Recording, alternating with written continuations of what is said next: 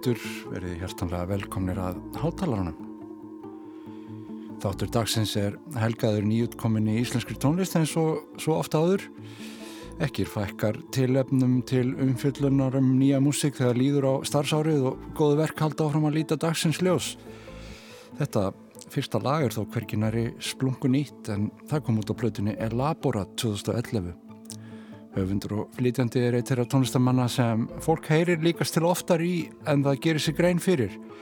Þú hjartanlega velkomin í hátalarna Guðmundur Pétursson. Takk fyrir. Við erum að hlusta hérna á tegund af elaborat og það hefur nú komið fram í máli gagnmerkra Íslandinga að, að við dönsum ekki eftir takti heldur tekstum og en í útvarminu þá tölum við nú um svona tónlistar tegundir og við dettur í hugsun að spyrja þig fyrst sko hvort að hvort að þú greinir tegundir sko hvort þú flokkir þegar þú heyrir tónlist. Það er, svona, er eins og sem að tala um rausl eða hvernig ert þú sjálfur? Er, Já, því, sko, þú ert náttúrulega í svo mörgu sko. sko þegar ég heyri tónlist er ég alveg örgulega að flokka á fullu. En ekki, sennilega ekki svona í þessar flokkuna fötur Nei. þessar glerið og plastuð í einslut annað og ekki til að losa því við það síðar Nei, ekki eldur til þess sko, að, það er eitthvað annað sem ég er að flokka innan tónlistarinn og hérna þannig að, já, já.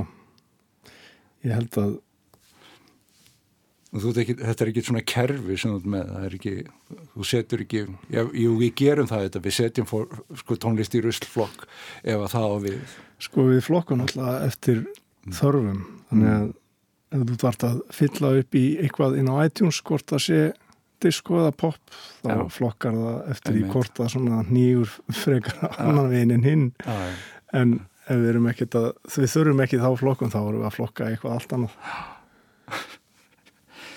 en sko elaborat og sko það var nú 2011 en við ætlum að tala um sko músik sem er ég má segja miklu meira elaborat heldur en heldur en, heldur en súplata þó að hún hafi nú verið sko gegn sýrð alls konar spennandi dóti. Heil symfóniuljónsitt sko. Segðu okkur nú aðeins frá hvernig þetta var að veruleika. Konsert fyrir rafgítar og ljónsveit Já, þetta var fyrir að veruleika þannig að ég er beðin um að spila konsert fyrir rafgítar og ljónsveit mm. uh, Norður og Akureyri og með symfóniljóstinni þar og síðan svona þegar líður á og ég er svona eða þá að veltaði fyrir mig hvernig ég á að svara því mm. að þá er ég beðin um að spila klassískan konsert líka og síðan kemur að þeir velja hvað það var að fara að spila og klassísikonstin var svona deildurlega einfalt. Það var svona nokkri sem kom allir greina einhverju svona síkildir sem mm. stóð til að spila og, og það var valnitna þeim og svo er byrjað að skoða ramaskiptarkonserta einhverja og, og það, þá svona það var nú ekki um auðvangar að greiða sér að fannst mér, þetta var nú ekki Nei. ekki þetta var ekki merkilegt sem ég heyrði og það sem að og líka bara viðkvæmt format mm. setja sama ramaskýtar og symfóniljónsett þú veist um, að það er svona saman sér af hverju hvernig á að útfara það og hvað á það að hvaða áhrif á það að hafa ah. og svo náttúrulega stóði framið fyrir því að þetta er því gríðarlega vinna. Fyrir eina kvöldstund. Þá allt í einu svona ná, nánast í svepparónum fæði þessa hugmynd. Er ekki einfaldast í skrifi koncertin fyrir ramaskítarinn vegna þess að e, klassísku gítar er ákveðin svona skóli af tónlist mm. svipað eins og píanóið og annað. Og verk eru skrifuð inn í, sko, inn í þetta handverk en hvað er hvað skóli ramaskýtar er það ekki bara ramaskýtar skóli hvers og eins Já. og ég veist að það færi best á því að, að, að ég myndi hugsa með mér hver er minn skóli mm. og skrifin í þann skóla mm. og svo fannst mér það sem ég hafði heyrt með ramaskýta af ramaskýta konsertum að það voru, voru symfóniljóstur að spila og, og svo einhver ramaskýtar sem var svona eins og hálfgeir bóðflenn að nýja og, og jafnvel einhver vesalís gítarleikari sem er að reyna svona Já. gera eitthvað úr þessu. En eru þeir til? Sko, eitthvað sapna á þeim? Já, það er til eitthvað sko, og, en þeir skiptast í tvær grúpur. Það er annars vegar það sem að hefur skrif það er að segja komponisti eða tónskáld hefur ákveðið að skrifa verk fyrir ramskýtar sem á að standa undir því sem, mm. sem hérna, tónlist sem að verður að lusta á. Ja en svo er annars vegar einhver gítarhetja það sem að, ég, ég maður veit ekki hvort að sé þá bara einhver tónleikahaldara sem er ákveð að stilla honum upp með symfóniljóset og búa til úr því einhvert seljanlegt ívend það er yfirleitt með skjálfilegur útkomu. Yngve Malmstein og, og, og Bóler og, og félagar, já, já allt já, þetta. já. þannig að já, meira segja held ég að einhver hafi skrifað ramanskita-konsert fyrir symfóniljóst og Erik Clapton og það er þú, þú ert búin að slöka því eins og hann er frábær. En já þá endar þetta á því að þetta verður í raun og veru framhald af bara mörgum sem að ég hef verið að gera. Ég held að fram að búa til ákvæmna tónlist nema mm. nú er bara komið symfóniljóst talsverð starra band. Já, já. Ef við ekki dæmba okkur í þetta og heyra, lega fólki að heyra hvað við erum að tala um hérna? Hérna gefum bara bóstarlega fyrst í þátturinn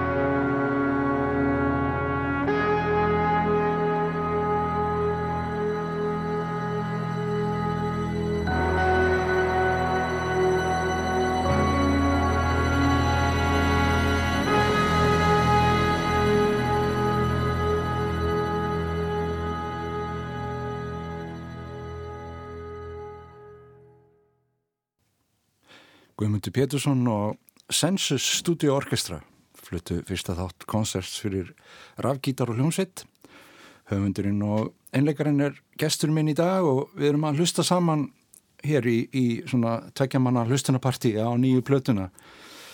Guðmi, þetta er skemmtilegu bálkur og, og sko, mitt eftir í hug þegar við erum að hlusta að þetta að nú hafa sko fyrir plöturínar orðið til í, í svona smæri hópum en þú veitu þetta sjálfur sko vanur hvaða aðstæðum sem er og stórum og smáum.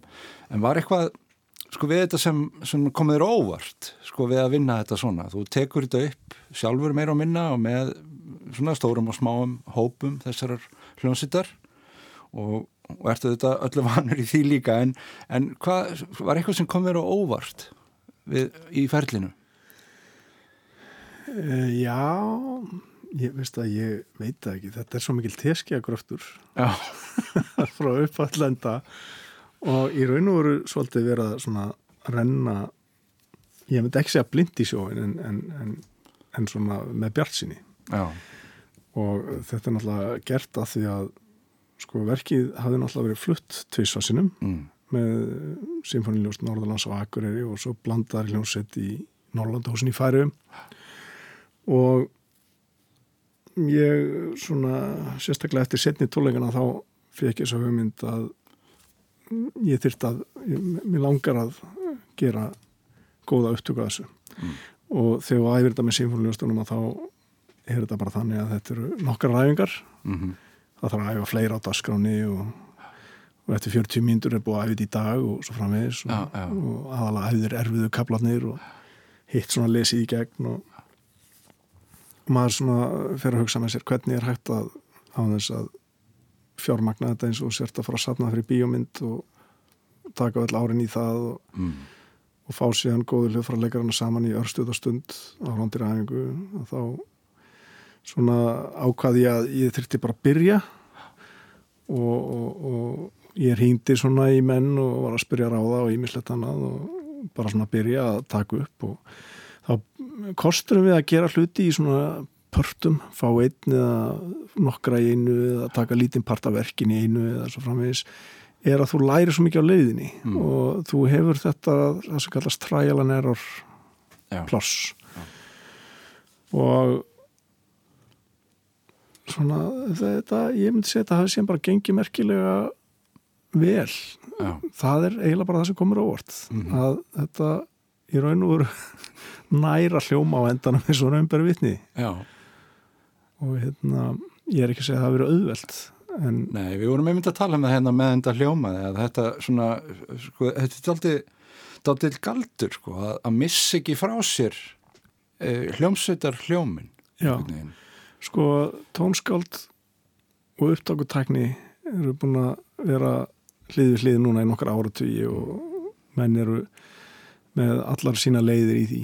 Sem er semja beint fyrir upptökutæknina og nýtana hvernig sem þeim sínist upphálega er ég svolítið með þessu verki að reyna að vera pínulítið svona, hvað ég að segja hefbundið sound, hljóma svolítið svona hefbundið symfónist að einhver leiti Aha.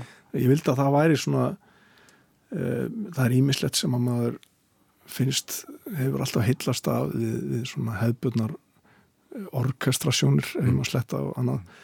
Og að því að ég var að gera svona symfónistverk á langa með að hafa svolítið þannig minni í þessu. Já. og þess svona fer ég svona millivegin, þetta er, þetta er tiltölulega lítil symfóniljósið þannig að hérna það er svona partanir geta heyrst um, þetta er ekki það mörglega að fara þú, þú átt að geta heyrt allt svona skýrt. Þannig að svona milliveginni að þetta hljómi eins og situr í hörpunni í sal en samt svolítið eins og sért að hlusta á einhverja kveikmyndamúsík frá síðan einhver tíman Já. sem var með svolítið svona æpandi andlitaður Aha.